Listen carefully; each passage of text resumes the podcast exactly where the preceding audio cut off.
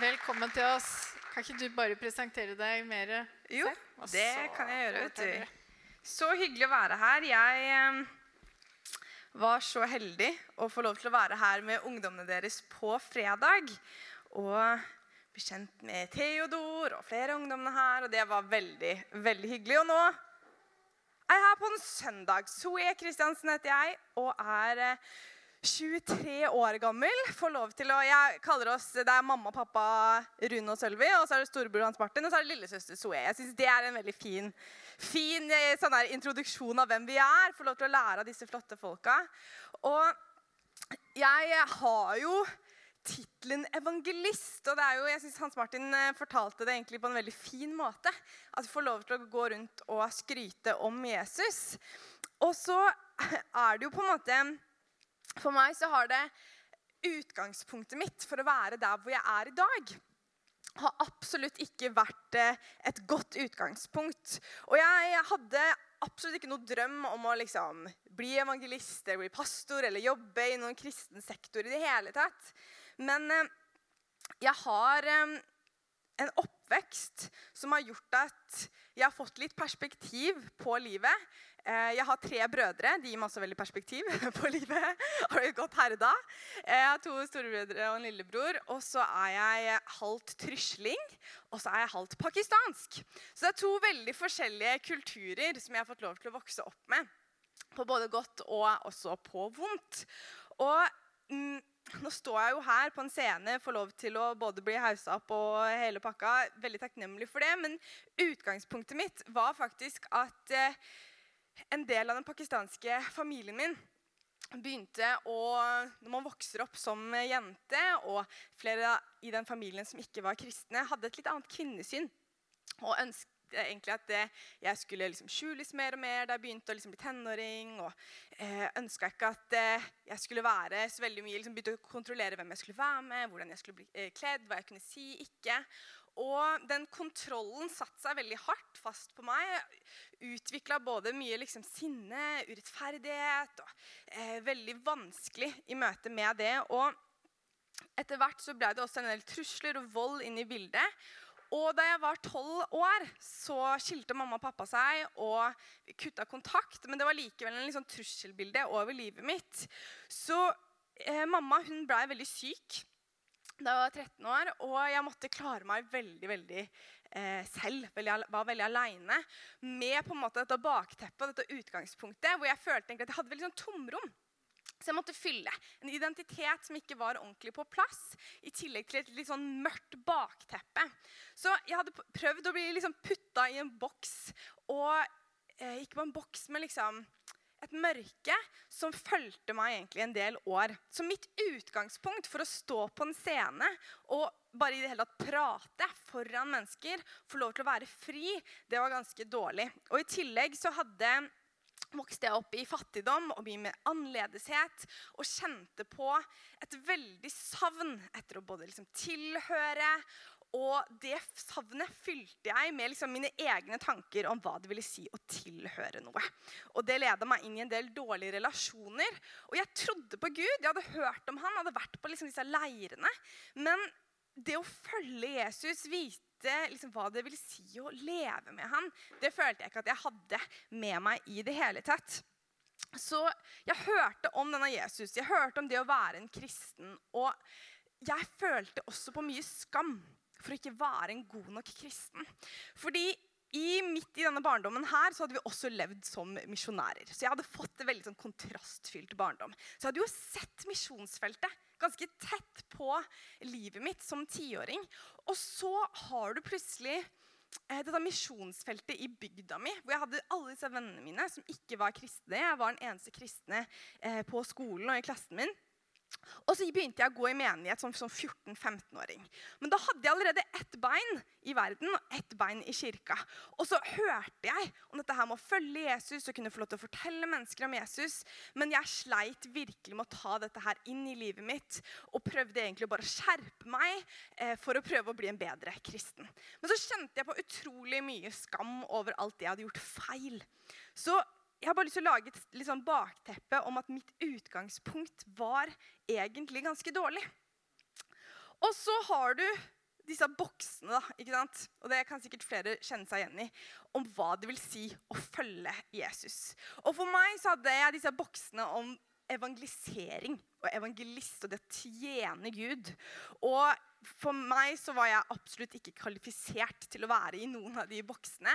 Og evangelisering ble veldig sånn her, dette med å, snakke om Jesus hver eneste mulighet du har. Gjerne på gata, gjerne med fremmede. Og jeg også synes det liksom, jeg kjempa med så mye av disse boksene og skammen og tankene. Og i tillegg så vokste jeg også opp i en tid hvor det var veldig veldig mye fokus på dette her med å la ungdommen få lov til å finne ut av ting selv. Du har litt denne individualismen, og det tror jeg ikke bare jeg, det tror jeg veldig mange her har vokst opp med. Denne individualismen med å finne ut av ting selv, og, og vi, vi, skal ikke være til bry, og de voksne trekker seg veldig ut. Så jeg hadde så mye bagasje et skikkelig dårlig utgangspunkt, og så skal jeg finne ut av dette her helt selv.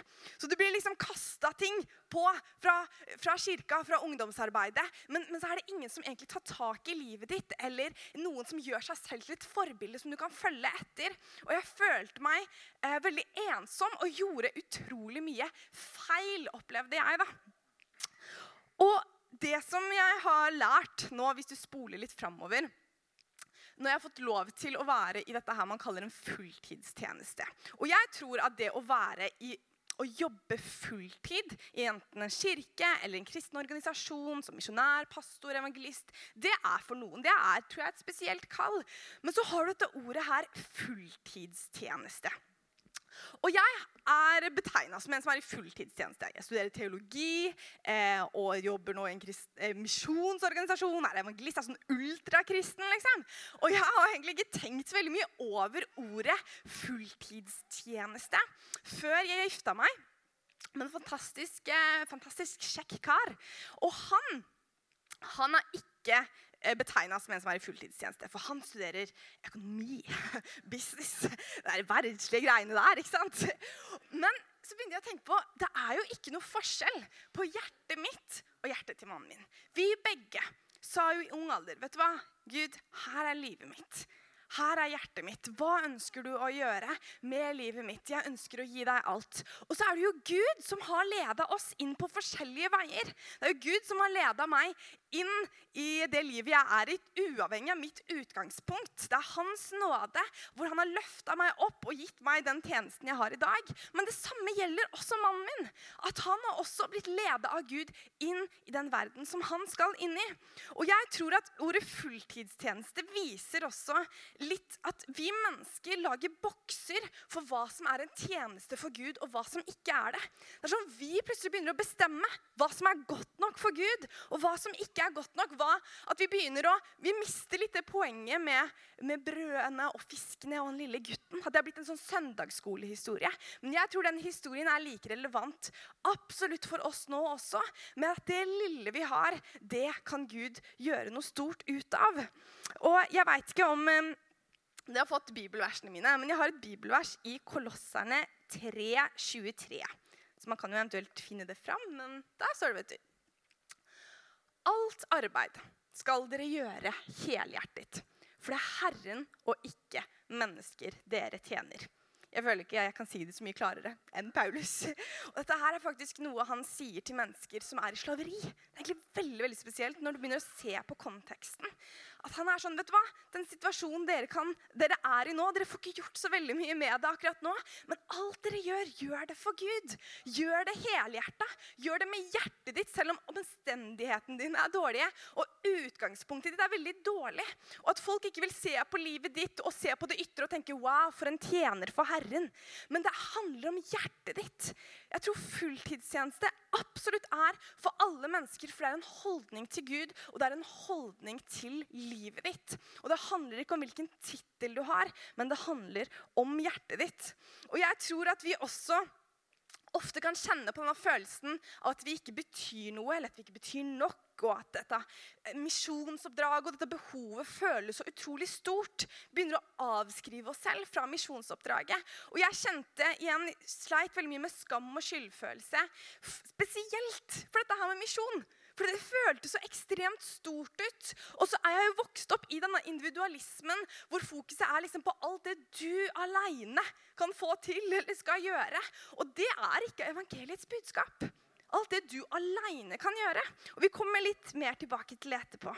Eller så kan du også kanskje tenke på dette her med at ja, jeg, jeg holder jo på med dette her, og at man nesten rettferdiggjør kanskje skyldfølelse. Eller man, man gjemmer skyldfølelsen sin ved å rettferdiggjøre alle de kristne aktivitetene man holder på med. Og det at misjon blir en litt sånn Det er fordi det, er, det blir en sånn nisje. Det er for de spesielle menneskene der. Det er for sånne raringer som Rune og Hans Martin. og så jeg. Det er for de raringene der. ikke sant? Eller for, de får holde på med det, mens, mens jeg, ja, jeg, holder på med denne kristne aktiviteten. Men jeg har lyst til å utvide misjonsbegrepet for dere. Jeg har lyst til å invitere alle inn i misjonsoppdraget på en litt annen måte. Og det skal vi gå inn i litt nå. Hva står i Bibelen egentlig? På fredag så prata jeg om dette her med ånd, sjel og kropp. Dere ser på kroppen min, og denne her kan jeg påvirke ved å spise masse dritt, eller ved å trene, eller ved å spise masse godt. ikke sant? Og så har jeg tankene mine, sjelen min. Tankene mine, følelsene mine, viljen min ligger i sjelen min. Og så har vi også en ånd.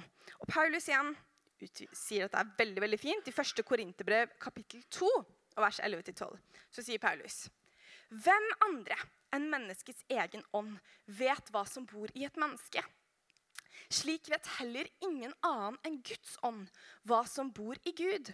Vi har ikke fått verdens ånd, men en ånd som er fra Gud, for at vi skal forstå hva Gud i sin nåde har gitt oss. Og ting begynte å forandre seg for meg da jeg begynte å ta tak i dette her. Da jeg begynte å slutte da jeg begynte å slutte å se på liksom kroppen min og sjelen min og mitt menneskelige utgangspunkt, og begynte å se potensialet i den ånden som Gud har gitt meg En ånd som Gud har gitt meg for at jeg skal få lov til å forstå hva han holder på med, og hva han har gitt meg, uavhengig av mitt utgangspunkt. Og I tillegg så sier eh, Paulus i det neste brevet, i andre korinterbrev, så sier han at den som er i Kristus, er en ny skapning. Det gamle er borte. Se, det nye er blitt til. Og ordet skapning det har vi jo lekte litt med på fredag. i forhold til at hvis man ser, liksom, leser i fantasybøker eller filmer, eller ser på kanskje 'Ringenes herre', eller man ser på litt sånn vampyrene og heksene og orkene og alt dette her Dette er egne skapninger. Det er ikke mennesker, det er en egen skapning. Dyr er en type skapning, mennesker er en annen type skapning. Og så bruker ordet igjen. At det er en ny skapning. Vi er ikke bare menneskelige lenger. Vi som tror på Jesus, vi er ikke bare menneskelige lenger, men vi har fått noe guddommelig i oss. Vi har fått en ny skapning i oss. Og jeg tror det er der styrken ligger. Til å nå nye mennesker, ikke bare i det menneskelige, men i den nye skapningen som er i alle mennesker som tror, som har blitt tildelt alle uavhengig av utgangspunktet vårt. Og så til slutt så har du Vi har den samme ånden. Vi har den samme ånden, og så er vi del av den samme kroppen. Du skjønner at Jesus han er ikke her fysisk lenger. Han er ikke her fysisk lenger. Men han har lagt seg selv ned i oss for at vi skal fortsette det han starta. Og det skriver Paulus også om i Galaterne 2,20. Jeg lever ikke lenger selv, men det er Jesus som lever i meg og i deg. Det livet jeg nå lever som menneske, av kjøtt og blod, det lever jeg i troen på Guds sønn, som elsket meg og ga seg selv for meg. Jeg lever ikke lenger selv. Det er ikke bare Zoe. Det er ikke bare mitt dårlige utgangspunkt og min bagasje som er i denne kroppen her, men det er noe nytt. Og Jesus har lagt seg selv ned i alle mennesker. Og jeg tror jeg har brukt dette bildet her noen ganger før, at vi er Jesus sin kropp. Og la oss si Norge, alle vi troende, vi er én kropp som er kalt til å gå ut. Men så har du en ung generasjon. En ung generasjon som jeg også er en del av, og som jeg får lov til å møte når jeg reiser rundt, og også i min egen kirke. Som nesten aldri har hørt om misjonsoppdraget. Når jeg får lov til å fortelle mennesker om det jeg holder på med, helt oppriktig, det jeg møter er at folk skjønner ikke hvorfor vi skal evangelisere. De skjønner tanken om nødhjelp.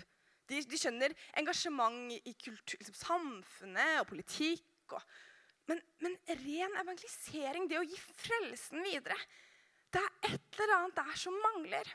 Og jeg tror at det er en litt sånn bevisstløs kropp. Sånn, noen bevisstløse kroppsdeler. En ung generasjon som ikke har blitt lært, som ikke har blitt vist. Som har blitt latt være aleine fordi man er så redd for å bry seg. Eller fordi vi har voksne generasjoner som kanskje har avskrevet seg selv eller ikke skjønner sin plass i denne kroppen eller sin plass i dette oppdraget. Og jeg har lyst til å oppmuntre dere nå helt til slutt så har jeg så lyst til å oppmuntre dere til å både finne tilbake til en ånd og til det oppdraget og se utover. For det er en ung generasjon som trenger dere. Som trenger å se mennesker som engasjerer seg, som brenner for Jesus på sin måte. Det er helt fantastisk å se eh, Rune og Hans Martin som har kampanjer der ute. Men noen av de menneskene som jeg beundrer mest, det er en tannlege. Det er helt fantastisk i jobben sin. Brenner for Jesus, og hun gjør jobben sin så bra. Hun har så mange gode historier. Eller en illustratør som har de fantastiske Alt fra logoer til kunstverk. Men han legger sjela si ned i det han gjør, og Gud bruker det han holder på med, til å nå nye mennesker. Og unge mennesker kan få lov til å se opp til han, illustratøren, eller hun tannlegen, eller han eller hun evangelisten. Uavhengig av hva du er kalt til, så veit jeg at vi alle er kalt til å leve med Jesus på innsida og på utsida. Det, det misjonsoppdraget er ikke bare for noen. Vi alle er en del av dette misjonsoppdraget, og vi alle kan være i fulltidstjeneste for Jesus der hvor du er. Og når vi kobler oss på denne ånden som vi har fått, den nye skapningen, så tror jeg også at vi kan få lov til å kjenne Guds hjerte. Guds hjerte og nå flere mennesker. Og Det jeg får lov til å jobbe med, det er helt fantastisk. Vi reiser rundt nå til ungdomsarbeid og hjelper ungdomspastorer og ungdomsledere til å engasjere ungdommene sine. For jeg tror ikke dette her er en sånn quick fix og liksom bare skjerp dere litt eller vær litt mer glad liksom, for Jesus. Jeg tror ikke det er det det handler om. Men jeg tror at det handler om at vi får lov til å for det første å ta livet vårt på alvor. Kallet vårt på alvor og så få lov til å la Jesus og Ånden lede oss til de menneskene vi har rundt oss. Og, den janteloven den tror jeg ødelegger for så utrolig mange liv. Når du tror at Hvem er du? Hvem er du til å være med å forandre et liv? Hvem er du til å være med å forandre vennen til dattera di? Eller familien i nabohuset? Eller de menneskene i Mali gjennom evangelisten din? Hvem er du? Jeg tror dette her er et tanke rett fra djevelen. Og jeg har lyst til å være med å bryte det i menneskers liv, fordi vi er en del av Jesus sin kropp. Det er den du er. Det er den du er. Du har Jesus på innsida. Jeg har Jesus på innsida. Og det er ikke noe forskjell i den ånden du har fått, og i den ånden jeg har fått. Vi har så mange forskjellige utgangspunkt, og jeg hadde et ræva utgangspunkt for å være der hvor jeg er. Men tenk på alle de evangelistene der ute. Tenk så dårlig utgangspunkt de har, da. For å høre om Jesus først og fremst og få lov til å leve med han. Men likevel så har vi en så nådig og stor Gud som gjør noe stort ut av det lille vi har. Vi må vekke denne kroppen her til livet, for det er så mange mennesker som trenger å kjenne på hans kjærlighet. Drit i utgangspunktet ditt. Det er en del av deg, og det kommer alltid til å prege deg på en eller annen måte. Men alt det jeg har gått gjennom av både vonde ting og vanskelige ting, jeg kan med hånda på hjertet si at jeg ville ha gått gjennom alt det en gang til hvis jeg visste at jeg kunne få lov til å komme der hvor jeg var i dag. Fordi Gud har fått lov til å bruke det og gjøre noe gull ut av det som var vanskelig. Reise opp det som var der hvor jeg lå i den asken og følte meg nede og følte meg liten og følte at jeg ikke var verdt noen ting. Så har Gud fått lov til å bruke meg, ikke fordi jeg hadde så himla bra utgangspunkt, eller jeg var født i den riktige familien, eller hadde pengene til det, eller hadde titlene til det. Fordi jeg fikk lov til å ha et møte med Jesus, og jeg begynte å se potensialet i den nye skapningen i meg. Og skjønne at Zoe var, bare, var ikke bare menneske lenger, men hun var noe mer. Det var noe guddommelig. Og det er mennesker som trenger meg. Det er ganske stort å si, men det er mennesker som trenger meg. Trenger at jeg reiser meg og ser på dem med Jesus sin kjærlighet. Og det er mennesker som trenger deg. der hvor du er. Jeg vet ikke om lovsangen pleier å komme opp på slutten, men eh, kan vi ikke reise oss opp? Og så har jeg veldig lyst til å, å be for dere. Og jeg vet at dette her er eh, en kirke og en menighet med mennesker som har løfta opp misjon. Og det er vi utrolig utrolig takknemlige for, for at dere har lyst til å være med og koble dere på dette arbeidet her med å nå de menneskene som aldri har fått muligheten til å høre om Jesus. Men så har du en ung generasjon av både kristne mennesker som trenger også å være med på dette misjonsoppdraget. Og så har du også unge mennesker i Norge som trenger å høre om Jesus. Så vi har flere dimensjoner av misjonsoppdraget her. Og vi tror at det er en plass til alle sammen. Så jeg har lyst til å be for deg. Jeg tror at Gud også kan vise deg og lede deg og snakke til deg. Så la, ja, lukk øynene hvis du vil, så skal jeg bare be for dere. Jesus, tusen takk for um, muligheten til å være her. Takk for at vi får lov til å løfte opp ditt navn både i Norge, men også overalt ellers i verden, Jesus. Du ser de lenkene som holder mennesker borte fra dette oppdraget. De tankene som binder mennesker, og de tankene som får folk til å tenke at de ikke er verdt noe, eller at de eh, ikke er, kan være en del av dette her. Og jeg bare ønsker å bryte det i Jesu navn. For ditt navn bryter alle typer lenker. Fysiske lenker og mentale lenker. Lenker fra fortiden eller lenker i relasjoner som er nå. Så bare bryter vi det som holder mennesker borte fra deg. Borte fra ditt oppdrag, Jesus. Takk for at du ser hvert menneske inn i øynene, og du smiler. Du er fornøyd med dem, og du elsker dem, og du har en plass til dem, Jesus.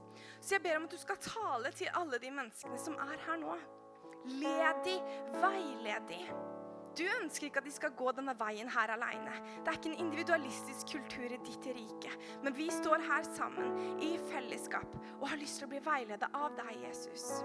Og så bare ber jeg deg spesielt for noen av de eldre generasjonene som kanskje har avskrevet seg selv fra å, å være viktig for den yngre, yngre generasjonen. Tenker at vi lar det være til de unge voksne. Men du har en plan for de, Jesus. Du trenger de. Du trenger å bruke dem også for å vise unge mennesker hvordan man kan leve med deg. Så jeg bare ber om frimodighet for den eldre generasjonen, Jesus. Og et nytt mot og en fornya kjærlighet til seg selv, en fornya kjærlighet til deg og en fornya kjærlighet til de generasjonene som kommer etter seg, Jesus. Så ber vi for den unge generasjonen her i Norge, Jesus. Jeg ber om at det skal være en generasjon som bli kjent, for å løfte opp ditt navn og involvere seg. Involvere seg i både menighet og i misjonsoppdraget. En generasjon som er med på å nå steder som aldri har blitt nådd før Jesus. Hjelp oss med å reise de opp. Hjelp oss med å gjøre det på en sunn og vis måte. Takk, Jesus. Ber om beskyttelse for denne menigheten her. Takk for alt det de gir. Ber om du skal velsigne de rikelig tilbake. Ber for lederskapet. Takk for den visdommen du har gitt dem, Jesus. Takk for den sjenerøsiteten du har lagt ned i hjertene deres, Gud. Du ser dem. Du ser hvert møte. Du ser hver frustrasjon, Jesus. Ber om en letthet lederskapet framover, Herre. Det skal kjennes lett å lede Arena Porsgrunn. Og det skal reise seg opp nye ledere i ungdomsarbeidet også, Gud.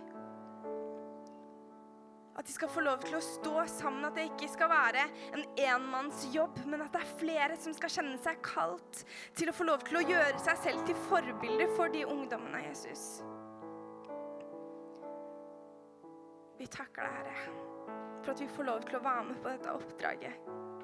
Takk for at du elsker oss, at du er sjenerøs, og at du er nådig med oss, Gud.